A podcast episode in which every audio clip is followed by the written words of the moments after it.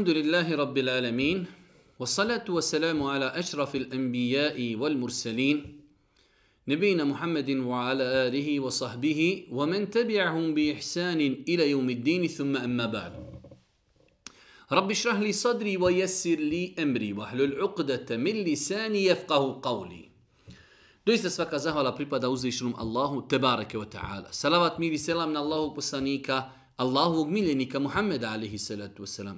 njegovu časnu porodcu, njegove S ashabe i sve ljude koji slijede put istine do sudnjega dana. Uvažna braću i poštovani sestre, uvaženi gledatelji, evo nas u još jednu emisiju koju se družimo sa odabranim kuranskim ajetima. Juče, srijeda na družili smo se sa surom El Munafiqun. Nakon sure El Munafiqun dolazi sura Et Tagabun, a nakon sure Et Tagabun dolazi sura Et Talaq. Mi smo u grešci. Ovo nam se prvi put desilo da smo preskočili jednu kuransku suru, pa ćemo ako Bog da njene ajete komentarisati sljedeće sedmice, a mi se večeras evo družimo sa odabranim kuranskim ajetima suri El Talaq razvod. Uzviši Allah subhanahu wa ta'ala i svoje milosti prema robovima Propisao im je ono što njima odgovara i ono što će ih učiniti sretnim i zadovoljnim kako na Dunjalku, tako i na Ahiretu. S druge strane, vjera Islam je savršena, potpuna, nije ostavila niti jedno pitanje, a da na njega nije dala jasan odgovor. Jedna od stvari koju Islam i tekako jasno definiše jeste pitanje razvoda braka. Ljudi u pogledu razvoda braka mogu otići u jednu od dvije krajnosti. Ili da ljudi jednostavno razvode se kako hoće, bez ikakvih odrednica, ili da se ljudi nikako ne razvodi. Oženio si se, živi, pa znači da li bio sretan ili ne. I imamo sredinu islam, a to je da je islam dozvolio razvod braka, ali ga je i tekako pojasnio i precizirao i ograničio.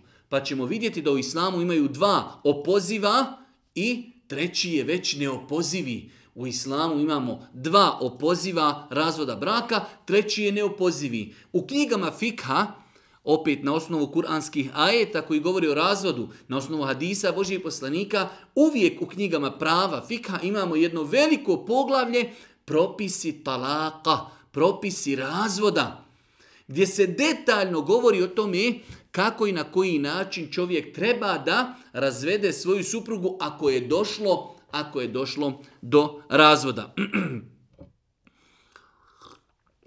Ova sura, sura El Talaq, je medinska sura. Rekli smo da u osnovi medinske sure mnogo govori o propisima. Ova sura tretira najviše pitanja koja se vezuju za razvod braka. Ova sura ima 12 ajeta, 65. je sura po redoslijedu onako kako su sure raspoređene u mushafu kojeg mi danas imamo. Prije nje, rekli smo, nalazi se sura Et-Tagabun, a nakon nje sura Et-Tahrim. Po tim rasporedu kako su sure zapisane u mushafu, nalazi se u 28. džuzu, 28. džuzu Kur'ana. Na samom početku treba spomenuti nekoliko uvodnih informacija vezanih E, za propise talaka, za propise razvoda braka, kako bi bolje i kvalitetnije shvatili ove ajete koji će govoriti o propisima razvoda braka u islamu. Prva stvar, islamski učenjaci su razvod braka generalno podijelili na ispravan, takozvani sunijski razvod braka koji je urađen onako kako naređuje uzvišeni Allah i njegov poslanik i imamo novotarski način razvoda koji je urađen na suprotno od onoga kako naređuje uzvišeni Allah subhanahu wa ta'ala i njegov poslanik. Pa znači imamo ispravan način razvoda braka, sunijski, onako kako je, onako kako je naređeno i imamo suprotno od toga, a učenjaci od davnina, od davnina su taj e, razvod braka zvali bidei novotarski. Koji je to ispravan način razvoda braka? Nažalost, kod nas velika većina ljudi stupa u brak, nikada nije čula da postoji način i metoda kako treba da čovjek razvede svoju suprugu. Dok je Islam i te kako mnogo pažnje posvetio, posvetio ovom pitanju, svakako e, Islam podstiče supružnike da ostanu u bračnoj zajednici. Ali, opet Allahova milost prema ljudima je Veoma se lako može desiti da čovjek oženi osobu nakon određenog perioda vidi da nisu oni jedno za drugog. Iz razno raznih razloga shvati da nisu jedno za drugog. Šta bi im trebali kazati? Ostanite, mučite se čitav život. Ili da kažemo, ako imate potrebu za tim, razvedite se. Pa kažu islamski učenjaci, e, ispravan razvod braka jeste da čovjek razvede svoju suprugu jedan put. Vidjet ćemo poslije da u islamu postoje tri razvoda braka. Dva su opoziva, treći je neopozivi. Pa znači jednom da razvede ženu, ne dva puta i ne tri puta odjednom, već jednom i da je razvede u čistoći u kojoj nije imao intimni kontakt sa svojom suprugom. Čovjek koji hoće da razvede suprugu. Pogledajte kako ga je Islam odgojio. Islam ne želi da čovjek požuri. Ako je se primjer radi desilo da je žena imala mjesečnicu i nakon toga se okupala i nakon toga bračni drugovi su imali intimni kontakt. Naljutili su se. Muž hoće da razvede ženu. Ne može. Čekaj, dok prođe sav taj period čistoće, dok ona ima dne mjesečnicu, dok se okupa, nakon toga hladne glavi, nisi pod emocijama, nisi ljud, nisi srdit, nakon toga ti razvodiš. Allahu ekber. Koliko se desilo problema, muž i žena se posađaju i muž razvede ženu u srđbi. Nakon toga zovi nekog muftiju, daju, efendiju, razvio sam ženu, bio sam u srđbi. Islam hoće da čovjek hladne glavi razvede ženu. Jer je to veoma bitno pitanje. Pa znači ispravan način razvođenja žene u islamu jeste da se jednom razvede. Imate ljudi požuri, e sad ću te razvesti tri puta. I nakon 15 minuta kaže, pogriješio sam, trebao sam samo jednom, želim da je vratim. Potrošio odmah tri razvoda braka. Pa razvod braka ide jednom, u čistoći u kojoj muž nije intimno kontaktirao i nije spavao sa svojom suprugom. Pa je to, znači, e, ispravan način, ispravan način davanja razvoda braka suprugi. S druge strane, bidađijski način razvoda braka jeste da to bude ili u hajzu, znači žena ima mjesečnicu, čovjek odadne razvod braka, ili u nifasu, ili u periodu čistoći, ali su oni u toj periodu čistoće imali intimni kontakt. Znači ako se žena imala je mjesečnicu i okupa se, nakon toga ima intimni kontakt s mužem, e, ne može on razvesti, kao što smo malo prije e, pojasnili, sve dok ona ne dobije novu mjesečnicu, kada se okupa čista, tek tada prije intimnog kontakta ima pravo da je razvede. Pa ako muž razvede ženu ili u hajzu, u toku hajza ili u toku nifasa posporodnog ciklusa ili u periodu kada je ona čista, ali u tom periodu su oni već imali intimni kontakt, to je bidađijski neispravan razvod braka, a po određenom broju učenjaka i novotarski razvod braka je da čovjek odjednom ženi dadne tri razvoda braka.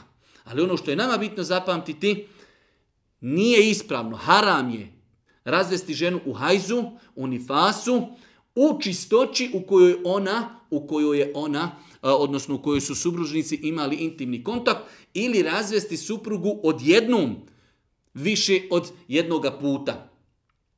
Znači, ovo su dva različita načina razvoda braka. Prvi razvod je ispravan da se razvede jednom i da se razvede u čistoći u kojoj nisu imali intimni kontakt. Razvesti ženu u hajzu, u nifasu ili razvesti ženu u kojoj je ona čista, ali su već imali intimni kontakt, kontakt nakon kupanja, e, je novotarski način razvoda, a po određenom broju učenjaka i davanje razvoda tri puta od jednom je novotarski način, novotarski način razvoda.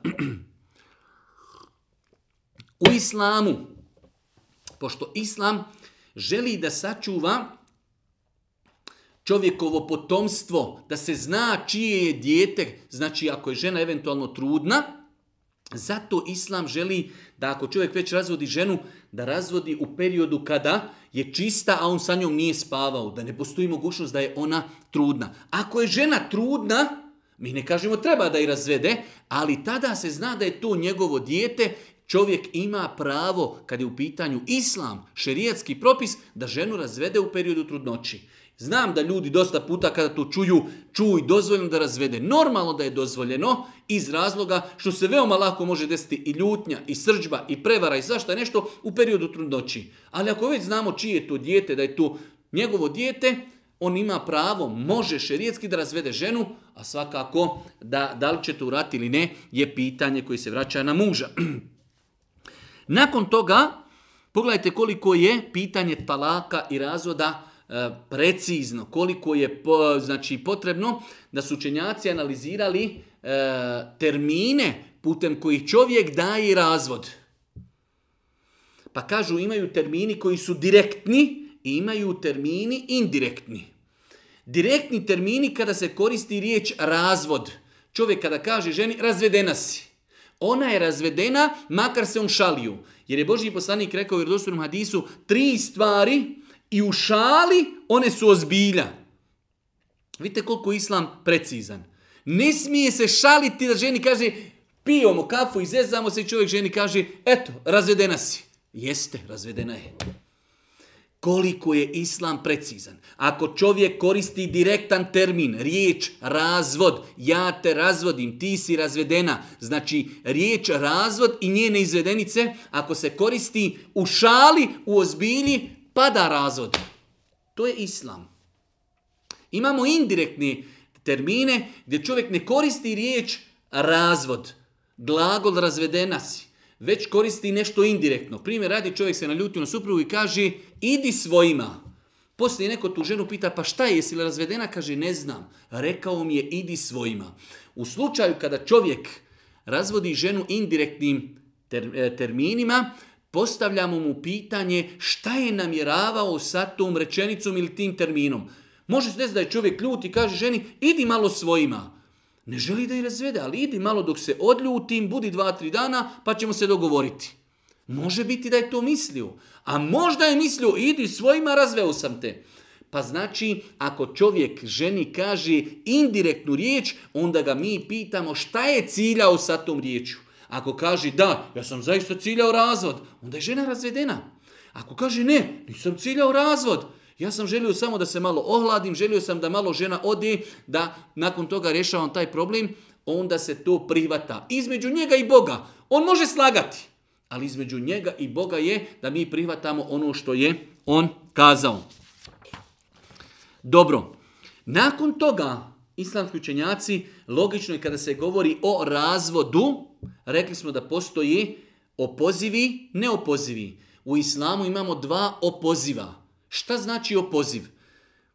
Čovjek može razvesti ženu prvi puta, drugi puta. Dok je ona u periodu ideta, pričeka. Opet islam savršen, opet islam lijep. Ne može žena danas se razvela od jednog čovjeka, sutra se udati. Ne, ima period, priček, idet.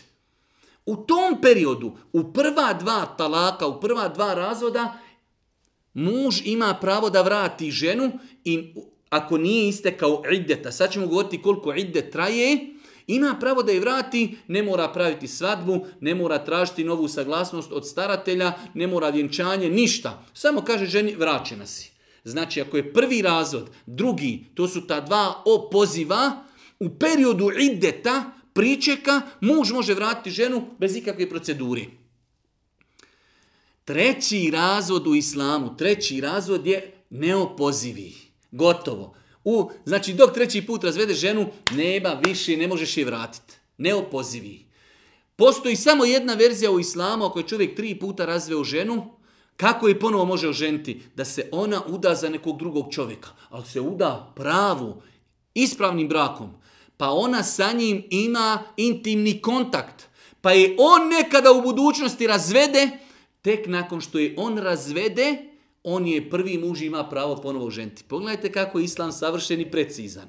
Imamo dva opoziva, daje ti, daje ti se prilika, nemoj se igrat, nemoj se zezat. Evo jedan razvod, imaš je pravo vratiti dok je znači u idetu. Ako istekne idet, Moraš ponovo sve ispočetka i pitat babu i moraš mehr i moraju svjedoci i mora vjenčanje. Pa su prva dva opoziva. Može ženu vratiti bez proceduri. Treći je neopozivi. Nakon trećeg ne možeš još svoju ženu vratiti. Osim u jednom slučaju. Da se ta žena uda za nekog čovjeka. I ne samo da se uda, i sa njim ima intimni kontakt, spava. I nakon toga on kaže ne mogu ja s tobom živjeti, razvede je. Tek nakon tog razvoda prvi muž ima pravo da je vrati. Pa je to razlika između opozivog i neopozivog. Druga razlika je u opozivom, prvom i drugom razvodu, u toku ideta, pričeka, supruga se još broji suprugom. Što znači, kada bi muž u tom periodu umro, ona njega nasljeđuje. Ako bi žena u tom periodu umrla, ona njega nasljeđuje. Pogledajte kako je islam precizan. Kako islam potpun? U prva dva opoziva razvoda, dok je žena u periodu pričeka, ona se smatra i dalje ženom. Boravi u čovjekovoj kući. Čak ima pravo da se sređuje, uljepšava mužu, ne bi li on, ne bi li on povukao svoju odluku razvoda braka. Znači, živi u njegovoj kući. On financira njeno, njen, njen boravak u kući, ona mu se broji još supruga. Ne daj Bože da on umri ili ona umru, umre, oni jedno drugo nasljeđuju. To su ta dva opoziva. Treći neopozivi potpuno se, potpuno se razlikuju. Nakon toga učenjaci govori, učenjaci govori o povratku.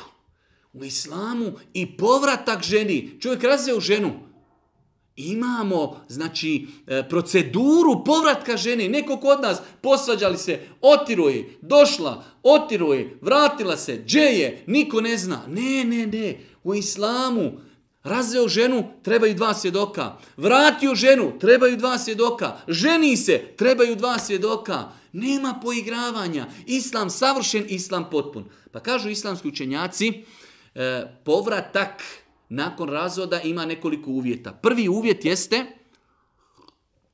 da to bude opozivi, prvi ili drugi. Pa čovjek može vratiti svoju suprugu prije nego što istekne idet, samo kaže ja sam odlučio da se vratiš i završena stvar. Odmah je vraćena, nema nikakve dodatne procedure. Prva stvar znači da to bude povratak u prvom ili drugom razvodu braka. U trećem, završena stvar, ne može. Isto tako da to bude supruga s kojom imao intimni kontakt. Kod nas to nije poznato, kod Arapa se nekada zna desiti, čovjek oženio ženu i nije sa njom imao nikako intimni kontakt. U međuvremenu oni da li su se dopisivali, čuli se, naljute se i on razvede ženu. Ali nisu još nikad imali intimni kontakt. Niti su se osamljivali, Takva žena nema, znači nema ideta, završena stvar dok je znači razvede, ona nema nikakvog pričeka, samim tim ako želi da je oženi ponovo, mora su proceduru ispočetka staratelj, eh, svjedoci, vjenčanje i tako dalje. Eh, treći uvjet jeste da to nije brak koji je zasnovan, odnosno da to nije bio razvod, Imate u islamu nešto što se zove sporazumni razvod, takozvani huler, da žena određen dio novca e, svog venčanog dara dadne mužu kako bi on nju razveo. Kažu islamski učenjaci, dok on nju razvede, nema i pravo više vrat, jer kad bi imao e, pravo da je vrati, pa zbog čega je se ona pod navnim iskupila tim svojim vjenčanim darom. Tako da ako je to bio huler, ako je to bio sporazumni razvod, nakon razvoda, nakon što je razvede, muž nema pravo da vrati tu suprugu. Isto tako, rekli smo da to bude u periodu, jer e, znači svaka žena nakon razvoda ili smrti svoga muža ima taj priček. Ako priček završi, prim radi žena, ako je e, žena, od žena koji imaju hajz i u normalnim uvjetima čovjek je razveo, ona ima svoj priček tri mjeseca. Završila tri mjeseca i oni nakon toga hoće da se uzmu ponovo. Mora sva procedura, treba saglasnost staratelja, treba mehr, treba vjenčanje, treba i svjedoci i tako dalje. Za razliku dok je u periodu pričeka, kad smo rekli ako su prva dva opoziva bra, eh, razvoda, da je može razvesti bez dodatni proceduri. rekli smo, ako se desi da je muž razveo suprugu treći puta, to se u islamu smatra neopozivi. Žena nakon toga ima period e, pričeka, nakon toga se više njemu ne može vratiti. Može mu se vratiti samo pod jednim uvjetom, da se uda za nekog drugog, da sa njim prespava, ima intimni kontakt, da je on razvede, nakon toga da je ponovo prvi muž oženi. To je Allahov propis ljudima na zemlji. Kako se ljudi ne bi poigravali sa propisima talaka i razvoda. Nažalost, naš narod u većini slučajeva ne poznaje propise razvoda, niti zna propise povratka, znači i u dosta slučajeva ljudi desetine puta odveo ženu, razveo, vratio i tako dalje. Islam dopušta dva puta da se razvede žena. Govorili smo o terminima, mogu biti termini jasni i mogu biti nejasni. Jasni termini, makar u šali se rekli pada razvod. Čovjek da u šali ženi kaže, ma razvedim te, znaš šta je, dosadio mi je život s tom, razveo sam te, razvedena si. Broji se jedan već. Ne smije se igrat. Brak je mnogo ozbiljniji od toga da bi se neko poigravao sa tim terminima. Nakon ovog, inšala, malo dužeg uvoda gdje smo shvatili razliku između sunijskog, ispravnog, šerijatski e, naređenog razvoda i između razlika između novotarskog koji je zabranjen haram, gdje smo shvatili e, kako i na koji način islam definiše povratak osobe svome mužu, sad možemo ako Bog da početi komentarisati ajete i suri. et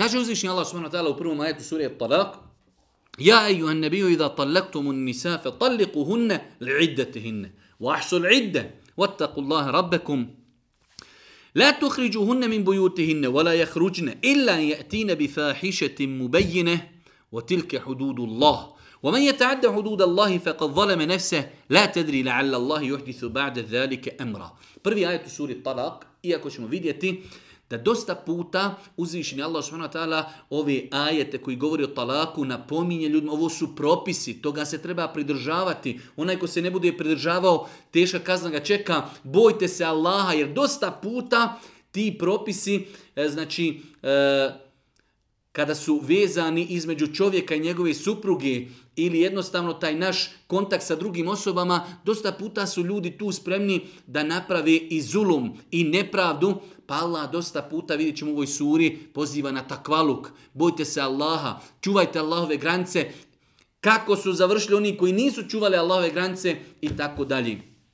Pa je veoma bitno da se vjernik poduči propisima, sklapanje braka, nakon toga se poduči propisima razvoda, možda mu neće nikad trebati, ali treba da zna razvod i treba da zna, ako je već došlo do razvoda, kako i na koji način vratiti suprugu na ispravan šerijatski način. Kaže uzvišenje Allah, o vjerovjesniće, obraća se Muhammedu alaihi salatu wasalam, a ti propisi se odnose i na nas. Kada tjednete žene pustiti, vi u vremenu kada su čiste pustite. Prvi propis, kada želite pustiti žene, pustite kada su čiste. Šta znači kada su čiste? Pustite i u periodu u kojem su se one okupale od hajza, čiste su i s njima niste imali intimni kontakt. Kako razvesti ženu ako smo sa njom imali intimni kontakt? Ne znamo je li ona trudna ili nije. A s druge strane rekli smo, Islam želi da čovjek ne požuruje. Može se desiti da je se supruga okupala prije par dana, i čovjek imao sa ženom intimni kontakt. Naljutio se na nju i hoće da je razvede. On treba čekat skoro pa 20 i više dana dok je ona u periodu čistoći, pa 7 dana dok je u periodu hajza, nakon toga da je razvede kada ponovo postane čista. Ima 25 dana da razmisli, da ne žuri, da analizira situaciju. Pa pogledajte, Allah kaže kada tjednite žene pusti, vi ih u vrijeme kada su čiste puste, a onda vrijeme koje treba proći brojite. Nakon toga, ako ste ih već pustili, kada su čiste, kada niste imali s njima intimni kontakt, nastupa period ideta, takozvani priček, o tome ćemo govoriti da postoji u islamu nekoliko različitih vrsta pričeka, shodno e, znači u kojoj situaciji se žena nalazi. I boje, kaže, koliko treba proći, E, brojte i Allaha gospodara svoga bojte se. Bojte se Allaha. To su te osjetljive stvari, brak, razvod, međuljudski odnosi.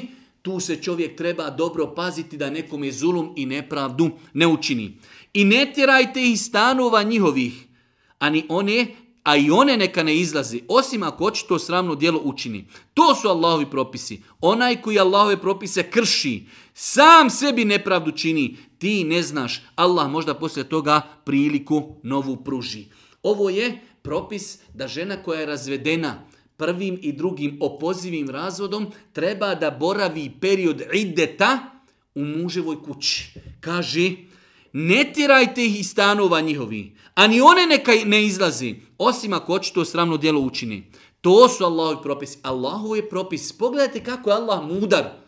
Kako je milostiv prema robovima. Čovjek oženio se, naljutio se na ženu, razveo ženu. Islam mu naređuje, ne smiješ istrati svoju ženu iz kuće. Ako je, primjer radi, ako je uh, idet njen priček tri mjeseca. Žena boravi u kući tri mjeseca. Raspremljena pred svojim mužem, kuha mu hranu i, i tako dalje. On nju gleda tri mjeseca, ona se ima pravo uljepšavat, jednostavno da ga ponuka na razmišljanje, da je vrati i da se taj talak pod navnim znacima a, zaboravi, odnosno on će se svakako brojati, ali da on nju vrati. Tri mjeseca žena boravi u kući svoga muža. Ako on umre, ona njega nasljeđuje, ako ona umre, on nju nasljeđuje. Tri mjesec. Osim u nekim iznimnim situacijama. Kod nas žena dok se razvede odmah ode mami i babi. I onda ljut, on ljuta, ona ne vide se, nema kontakta, nema priče, nema razgovora. Normalno da i neće vratiti. Ali pogledajte kako islam. Razveo si ženu. U redu. Hladne glavi. Nisi srdit. Polako, sada imaš tri mjeseca fore da razmisliš. Da analiziraš situaciju u prvom i drugom. Znači, E, razvodu, prvi i drugi koji su opozivi, imaš pravo tri mjeseca da razmisliš. Možeš raditi ženu samo da kažeš, ženo vratio sam te. Završeno. Odmah završena priča.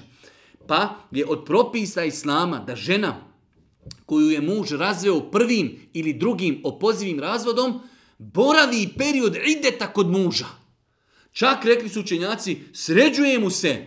Ne bi li jednostavno on imao potrebu za suprugom, ako sa njom, čak kažu islamski učenjaci, ako sa njom intimno ima kontakt, samim tim se smatra da ju je vratio i da je ona nazva ponovo njegova supruga.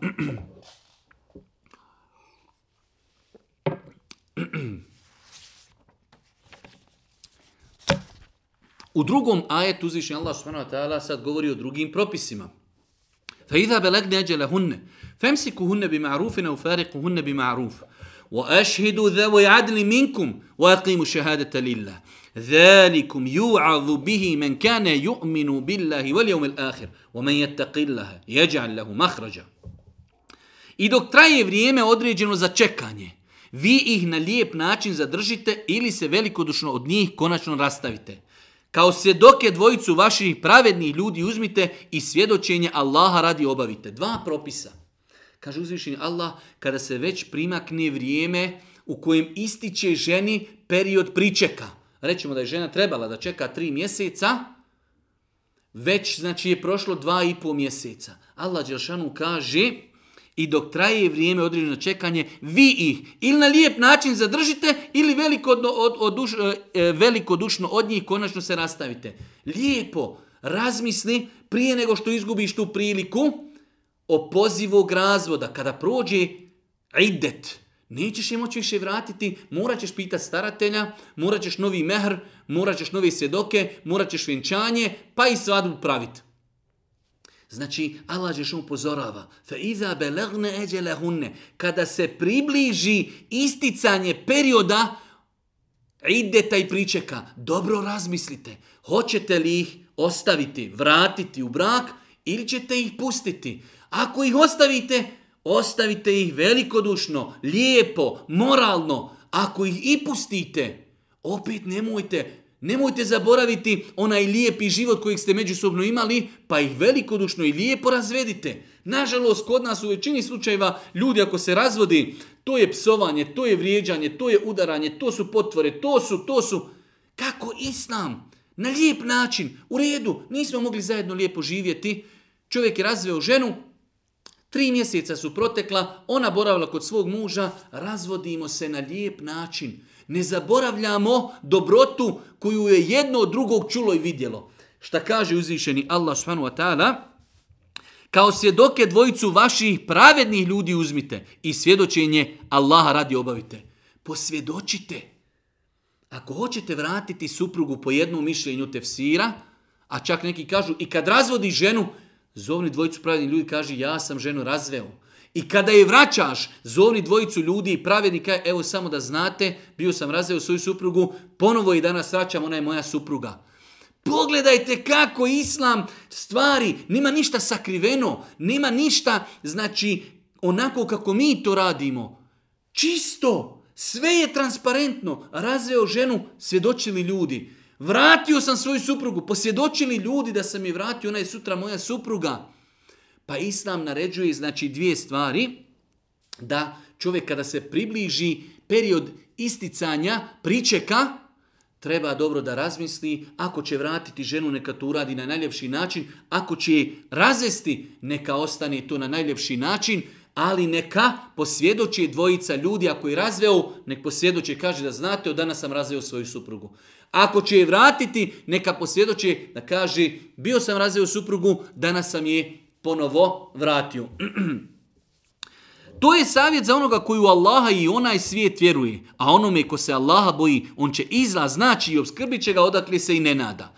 To je savjet. Tako treba da, da, da praktikujete e, te propise, to vam je savjet od uzvišnog Allaha, onome ko vjeruje u Allaha i sudnji dan. Aha, šta kaže uzvišeni Allah, a onome ko se Allaha boji, on će izlaz znači i obskrbit će ga odakle se i ne nada. Treba čovjek da se boji u pogledu osobe koju razvodi. Treba žena da se boji e, Allaha u pogledu insana s kojim živi. Insan koji se bude bojao Allaha, Allah će ga obskrbiti odakle se oni ne nada. Mnogo bitna stvar, čak kažu učenjaci, najljepša i najslađa nafaka koju se čovjek najviše obraduje jeste da te Allah obskrbi odakle se nisi nadao. Možete desiti čovjek ima platu, pa čeka prvi i dobije pare koje on očekuje da će dobiti. Te pare nešto nisu puno slatke, jer on njih očekuje. Ali kada dobiješ neki vanredni poklon, neko ti dao poklonu, nisi se nadao, nisi očekivao, to su najslađe pare, najslađi poklon, najslađi, najslađa nafaka i rizg. Nešto Čemu se ti nisi nadao? Pa Allah obećava onima koji se budu bojali Allaha u svakodnevnom životu, a pogotovo kada su u pitanju međuljudski odnosi, razvod, povratak, da to bude na najljepši način, sa bogobojaznošću, sa propisima, ko se bude bojao Allaha, Allah će mu podariti izlazi svake situacije, obskrbit će ga, odakle se on i ne nada. Pa je ovo jedno veliko životno pravilo koje ukazuju na vrijednost bogobojaznosti. وَمَنْ يَتَّقِ اللَّهَ يَجْعَلْ لَهُ Ko se bude bojao Allaha, ostavio nešto radi Allaha, uradio nešto radi Allaha, Allah će mu dati izlaz iz toga. A i šta još? وَيَرْزُقُهُ مِنْ حَيْثُ لَا يَحْتَسِبْ I Allah će ga oskrbiti odakle se nije i nadao. Vidjet ćemo poslije gdje Allah Đeršanu vezuje ovo za tevekul, za oslonac ko se vezuje za Allaha, Allah mu je dovoljan. Onome koji se uzda u Allaha, on mu je dosta. وَمَنْ ala عَلَى اللَّهِ فَهُوَ حَسْبُهُ Ko se osloni na Allaha, ostavio si neki haram, ostavio si nešto što je zabranjeno, napustio si zabranjen posao, žena je počela nositi mahramu, misli da neće dobiti posao, ali vezuje srce za Allaha. وَمَنْ ala عَلَى اللَّهِ فَهُوَ حَسْبُهُ onaj ko se na Allaha osloni, on mu je dovoljan. Bitno je koliko mi vjerujemo u Allaha, koliko vjerujemo Allahu i njegovim ajetima. Ko se bude bojao Allaha, Allah će mu dati izlaz iz nezgodne situacije. Obskrbit će ga odakle se ne nada. Onaj ko se bude oslanjao na Allaha i svoje srce vezivao za njega, fehuwa hasbuh. Allah mu je dovoljan. Blago onomi, ko se osloni na uzvišenog Allaha i kome je uzvišeni Allah, stvoritelj zemlje i nebesa, dovoljan. Allah će zaista ispuniti ono što je odlučio, Allah je svemu vek, već rok odredio. Pa smo znači iz ovih ajeta naučili da uzvišenje Allah tela postići da ljude prije nego što istekne period iddeta priče, kada dobro razmisle, da donesu hladne glavi odluku, tri mjeseca su imali priliku da razmisle, ako će ostaviti ženu, onda na najljepši način, ako će je pustiti na najljepši način, treba da mi njihovom postupku posvjedoči dvojica pravednih svjedoka. Sve to Allah on završava riječima, onaj ko se bude bojao Allaha, on će mu podariti izlaz iz nezgodnih situacija obskrbit će ga odakle se ne bude nadao, onaj ko se bude vezivao i oslanjao na uzvišnog Allaha, fehuwa hasbu Allah mu je dovoljan. Nakon toga u četvrtom petom ajetu uzvišnji Allah s.w.t. govori o vrstama pričeka. Nekim vrstama mi ćemo nakon spomenuti ostali. Kaže uzvišeni Allah, mehid min nisaikum inir مِنْ نِسَائِكُمْ إِنْ hunne فَعِدَّتُهُنَّ ثَلَاثَةُ أَشْهُرٍ وَلَّائِ لَمْ يَحِدْنَ وَأُولَاتُ الْأَحْمَالِ Eđelu hunne i obane hamle hun. Wa men min emrihi yusra velike emru Allahi en zelehu ilaykum. Wa men jettaqillaha anhu se i wa ju'azim lehu eđra. ajtu suri et kaže uzvišeni Allah a one žene vaše koje su nadu mjesečno pranje izgubile. Žene koje su ostarile nemaju više mjesečnici a razvedene su. Kako će one ozrijediti koliko da Čekaju, jer smo rekli, ako žena ima mjesečnicu, muž je razveo, treba da čeka tri mjesečna pranja. Kada završi treće mjesečno pranje, ona je razvedena. Pa kaže, uzvišeni Allah govori o vanrednoj situaciji žena koje više nemaju mjesto. Mi znamo da žene već u nekim 40, 45, pa kako neke u 50 godinama prolaze kroz tranziciju takozvanog klimaksa, nakon toga više žena nema mjesečnicu. Može li se desiti da žena u starijim godinama bude razvedena? Može. Pa nam Islam pojašnjava propis. Kako će žena odrediti priček? Koliko će čekati nakon nakon razvoda ako nema mjesečnicu? Pa kaže uzvišeni Allah, a one žene vaše koje su nadu mjesečnicu, e, mjesečno pranje izgubile i one koje ga nisu ni dobile, one trebaju čekati tri mjeseca ako niste znali. Znači imamo situaciju da žena Može biti mlada, toliko mlada se udala da nije, da nije dobila mjesečnicu. Može se dobiti da je žena starija, ali nema jednostavno mjesečnice, tako je Allah Đelšanu stvorio, pa Allah Đelšanu dvije kategorije pojašnjava. Žene koje su ostale nemaju više mjesečnicu. Ili žene koje su mlade nemaju mjesečnicu, ili iz određenih zdravstvenih razloga nisu imale nikako mjesečnicu, takve žene čekaju nakon razvoda tri mjeseca. Za razliku od žena koji imaju mjesečnicu i hajz, one čekaju tri mjesečna pranja. Kada završi treće mjesečno pranje, završio je njihov idet i njihov priček. Kaže uzvišeni Allah, trudne žene čekaju sve dok ne rodi. Aha, ovo je nova situacija. Razveo je čovjek ženu koja je trudna. Kada će završiti njen priček? Može li se žena dok je trudna odneti za nekog drugog, pa da i sa njim ima kontakta, ona trudna? Ne. Žena Može se desiti da je na početku trudnoće muži razveo, treba možda čekati 8 mjeseci. Ali suprotno tomi, može se desiti da čovjek razvede ženu u devetom mjesecu. Razvede, nakon 10 dana se žena porodi, nakon znači poroda ona ima pravo da se uda. Pa znači, e, žena koja je trudna, ako ju je razveo njen muž u periodu trudnoće, njen priček je toliki dok se porodi. Bez obzira, može biti dugo, može biti kratko, onog momenta kada se porodi, ona ima pravo da se uda. Trudne žene čekaju sve dok ne rodi. A ono mi, opet Allah Đeršanu, opet nakon propisa, ponavlja bogobojaznost. A ono me ko se Allaha boji, on će sve što mu treba učiniti dostupnim. وَمَنْ يَتَّقِلَّهَ يَجْعَلْ لَهُ مِنْ أَمْرِهِ يُسْرًا Ovdje je to prevedeno, ali ne može se to na Arab, s arapskog prevesti na bosanski. وَمَنْ يَتَّقِ اللَّهَ يَجْعَلْ لَهُ مِنْ أَمْرِهِ يُسْرًا Svaku njegovu situaciju Allah će laganom učiniti. Onaj ko se Boga, kaže, bude bojao Allaha, Allah će min emrihi yusran, rabbi jesir. Allah će mu to sve olakšati. ko mi, Ko se bude bojao uzvišenog Allaha subhanu ta'ala.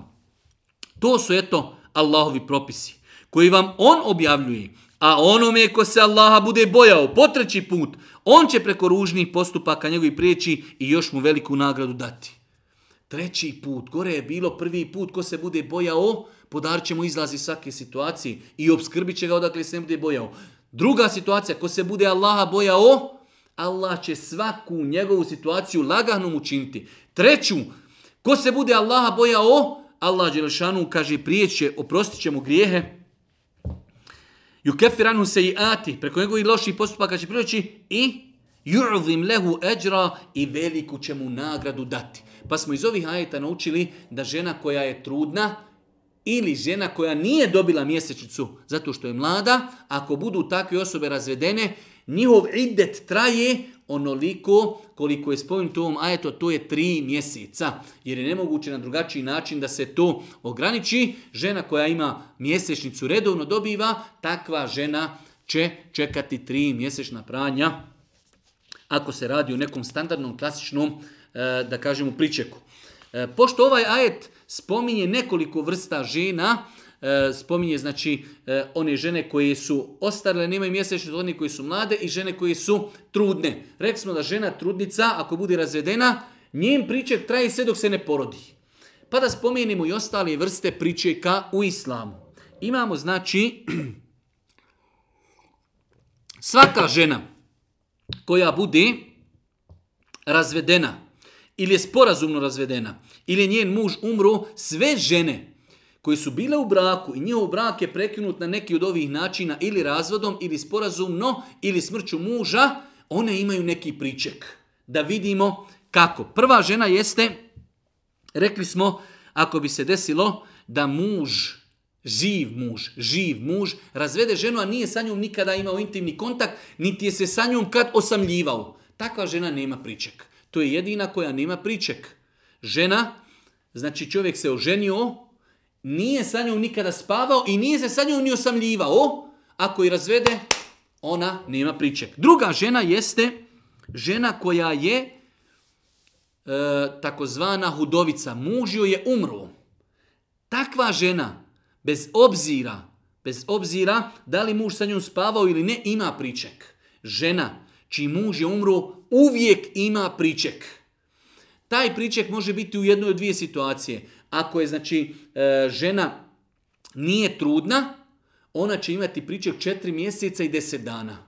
Zapamtimo dobro. Žena čiji muž je umro, ona ili će biti u situaciji da je njen priček, da se nema pravo udati 4 mjeseca i 10 dana, ako nije trudna. Ako je trudna, rekli smo, njen priček traje dok se porodi. Može se desiti da nakon smrti muža žena se porodi nakon 15 dana ona se ima pravo nakon 15 dana udati. A može se desiti da joj priček traje 8 mjeseci sve dok se ne porodi. Pa je znači, ako ženi umri muž, ona ako nije trudna čeka 4 mjeseca i 10 dana. Ne može se udati. Ako je trudna čeka će dok se porodi. Koliko Allah dadne da to bude trajalo.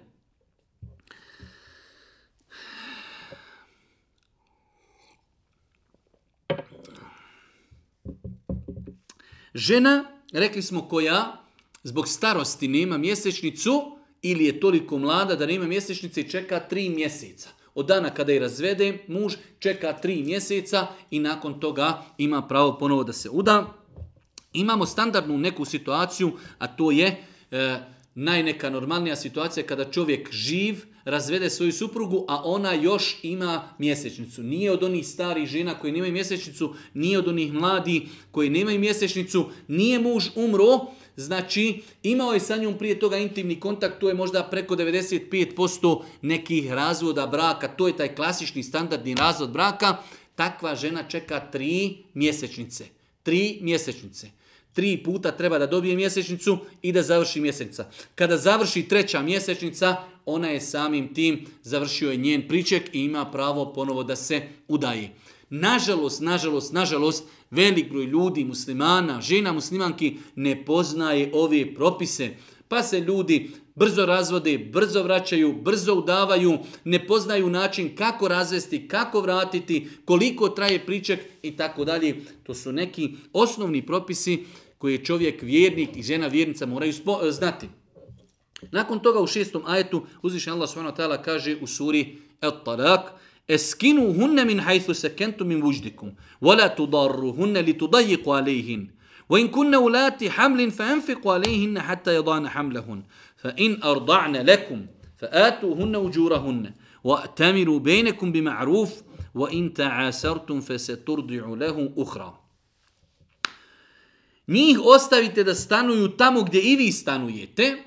Postoji razilaženje kod islamskih učenjaka na koga se odnosi ovaj kuranski ajet. Kaže uzvišeni Allah, njih ostavite stanuju tamo gdje i vi stanujete, prema svojim mogućnostima i ne činite im teškoću zato da biste ih stjesnili. Odnosno, ovo se odnosi na žene koje su razvedene opozivim razvodom. Žena koja je razvedena prvi ili drugi put, njen muž, njemu je obaveze da obezbijedi stanovanje u njihovoj kući i hranu. To je ta prva dva razvoda opoziva. Treći razvod, opoziv, ne opozivi, treći razvod žena postoji jako razilaženje, ali ta žena više nema pravo na da joj muž financira stanovanje ili da izdržava njen život. Ona će, znači, priček svoj e, čekati, idet, kod svojih. Opet kažemo po e, preferirajućem mišljenju. Ako su trudne, dajte im izdržavanje sve dok se ne porodi. Žena koja je trudna, muž treba da finansira njenu znači izranu sve dok je ona trudna. Zašto? Zato što je to njegovo dijete i on ima obavezu da jednostavno e, da finansira, da, da jednostavno plaća toj ženi e, njezne potrebe egzistencije zato što ona nosi njegovo dijete. Pa kaže uzvišeni Allah, ako su trudne, ko? Žene koje razvedete. Dajte im izdržavanje sve dok se ne porodi. A ako vam djecu doji, aha, žena razvedena, pa je bila trudna pa se porodila, ali gotovo više završen brak, e ako ta žena doji tom čovjeku njegovo dijete, a to je i njeno dijete, šta kaže uzvišeni Allah, onda im dajte zasluženu nagradu. Sporazumijevši se međusobno na lijep način, a ako nastanu razmjerice, neka mu onda druga doji dijete. Vidite kako je sam savršen i lijep. Razveli se čovjek i žena, žena trudna. Ima dijete, završio priček, žena rodila dijete, dok je znači trudna muž izdržava, kada rodi dijete, ona više nije supruga tom mužu. To je njeno dijete, a i njegovo dijete. Muž ima pravo, odnosno muž ima obavezu da finansira doilju svome djetetu. Pa to može biti njegova majka. Ona ga rodila, ali naplaćuje što? Hrani svoje dijete. A kaže, ako dođe do razmirica, on ima pravo da nađe drugu dojilju koja će hraniti njegovo dijete. Pa znači, ako je žena razvedena i bila je trudna, u periodu trudnoći muž treba da finansira njenu egzistenciju. Kada se porodi, ona više nije njegova supruga, ona ima pravo da od njega traži, iako je to i njeno dijete, ali u osnovi otac je taj koji treba da brine o egzistenciji svoga djeteta, bilo malehno ili bilo veliko, pa on treba da toj svojoj prijašnjoj supruzi plati što ona doji i hrani njegovo dijete. Ako, kaže, dođe do razmirice, ne mogu se dogovoriti koliko treba da joj plati, on ima pravo i da dovede i drugu dojilju koja će hraniti njegovo dijete.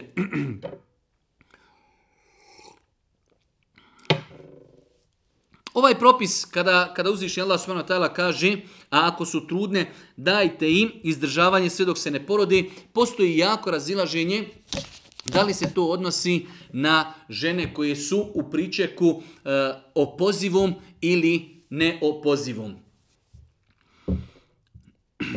Ono što je nama bitno eh, da, da zapamtimo i da znamo jeste činjenica da Postoji veliki razlik između opozivog i neopozivog razvoda.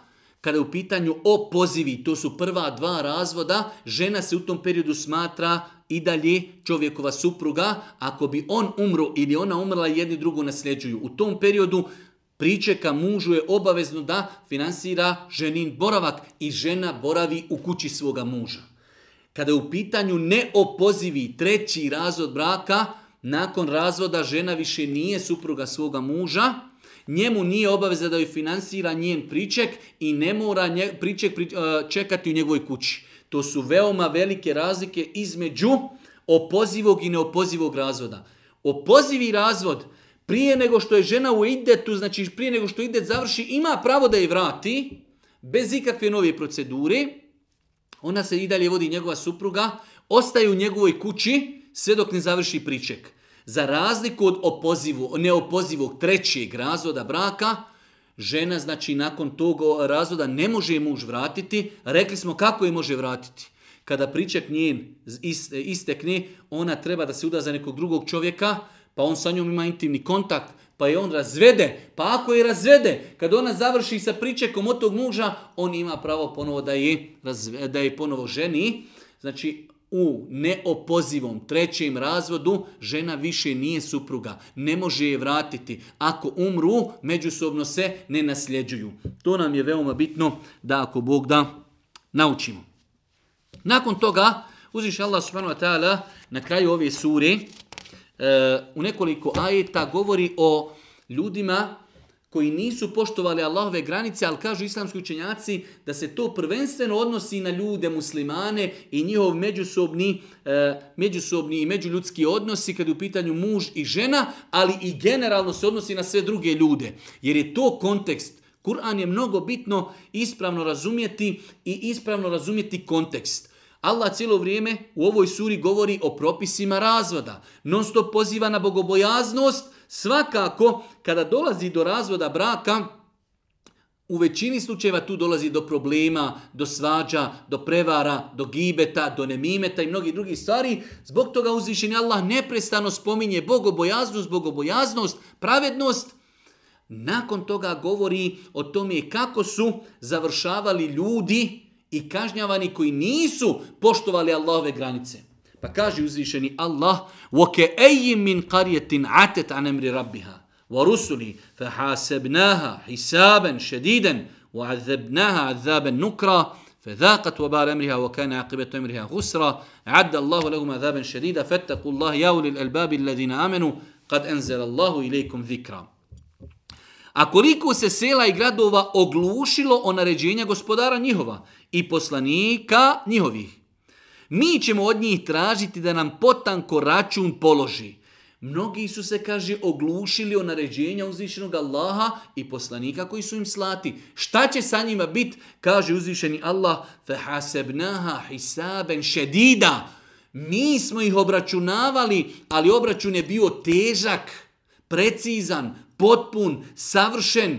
Zašto? Jer su bili nepokorni. Pa kaže, mi ćemo od njih zatražiti da nam potanko račun položi. I užasnom kaznom ćemo ih kazniti. Koji? Oni koji su bili nepokorni. A jedan dio nepokornosti Allahu jeste da ne znamo razvesti ženu, da je razvedemo na haram način, da je vratimo na haram način i tako dalje. Pa je mnogo bitno da se podučimo propisima stupanja u brak, razvoda, povratka, pričeka. Znači sve su to stvari koje vjernik i vjernica moraju znati. Oni će pogubnost postupka svojih iskusiti i propašće njihov kraj biti. Allah je za njih neizdržljivu patnju pripremio. Zato se bojte Allaha, o vi koji ste razumu obdareni, vi koji vjerujete. Opet Allah poziva, ovi koji vjerujete, o vjernici, nemojte sebi dozvoliti, ako ste živjeli s nekom određenom osobom godinu, dvije, pet, manje ili više, da završite svoj život na neispravan način. Ako ćete se razvesti, onda se razvedite onako kako vam vaš gospodar naređuje. Allah vam je već poslao slavu, poslanika, koji vam, je Allahove, a, koji vam Allahove ajete jasno kazuje. Da bi iz na svjetlo izveo one koji vjeruju i dobra djela čini. Allah im napominje da je poslao poslanika da bi ih izveo iz na svjetlo upute. Čak Allah poslanik kada je čuo da je Abdullah ibn Omer, Abdullah ibn Omer, znači Abdullah sin Omerov, razveo je svoju ženu u periodu mjesečnici. Allah poslanik se naljutio, naljutio se i kaže, naredite mu neke vrati. Neispravan je to način. Vi znate, Allah poslanik ako se za nešto naljuti, onda je to nešto veliko. Allah poslanik je smatrao velikim da se neko poigrava sa propisima Islama da razvede ženu u mjesečnici. Mi, nažalost, ni znamo u kojem periodu smijemo razvesti ženu, ni koliko puta, ni kako, ni kako je vratiti, ni koliki je priček, šta žena smije u pričeku, šta ne smije, u čijoj kući će biti, gdje će biti. Razvedi ženu, izbaci je iz kući i završena stvar što je daleko, daleko od savršenih i univerzalnih principa Islama. Allah vam je već poslao vašu slavu, poslanika, koji vam Allahove ajete jasnije kazuje, da bi ih iz tmina na svjetlo izveo oni koji vjeruju dobra djela čini. A onoga koji bude u Allaha vjerovao i dobro činio, uvešće u džennetske bašće kroz koje će rijeke teći i vječno i zauvijek će u njima ostati Divnu čemu divnu obskrbu Allah davati. Oni koji se budu bojali Allaha, pridržavali se propisa kako razvoda, kako braka, kako povratka, tako i ostali propisa, Allah će uvesti u džennet, oprostit će im grijehe, davat će im lijepu obskrbu. I na kraju 12. ajetove suri, Allah Žešanu završava govorom o tome da je on taj koji stvorio sedam nebesa, i da je stvorio zemlju. Pa kaže uzvišeni Allah, Allah je sedam nebesa i isto toliko zemalja stvorio.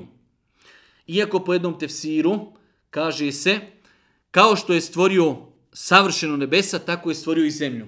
Njegovo naređenje na sve se njih odnosi, a nek znate da je Allah kadar sve i da Allah znanjem svojim sve obuhvaća. Postoji vjerodostojni dizda da Allah poslanik ali se salatu selam kazao Men me kajda šibrin, minel ardi min seb'i aradin, ko od nekoga bespravno uzurpira pedalj zemlje, Allah će ga na sudnjem danu e, zaobuzdati i natovariti sa sedam zemalja. Pa su neki učenjaci smatrali da, znači kao što imamo sedam nebesa, tako isto postoji i sedam zemalja. U svakom slučaju to je jedna tema e, kojoj nije vrijeme da je ovdje govorimo ono što mi odgovorno tvrdimo jeste da je uzvišen Allah subhanahu taj koji je stvorio e, zemlju i nebesa, a ovi, hajde da kažemo, e, sitnice, odnosno stvari koji se mogu shvatiti na različite načine, ostavljamo onima koji su kompetentni da o tome govore. Ovaj hadis kojeg smo malo prije citirali, citirali smo ga ciljano, jer ga učenjaci spominju u ovom ajetu, jer Allah Žešanu ovdje kaže Allah je sedam nebesa, isto toliko zemalja stvorio. Na što se odnosi ovo sedam e, zemalja, da je Allah stvorio sedam zemalja? Neki učinjaci su čak rekli da se to odnosi e, generalno gledajući na kontinente, e, znači sedam kontinenata, odnosno sedam tih velikih površina koji su okružene morima.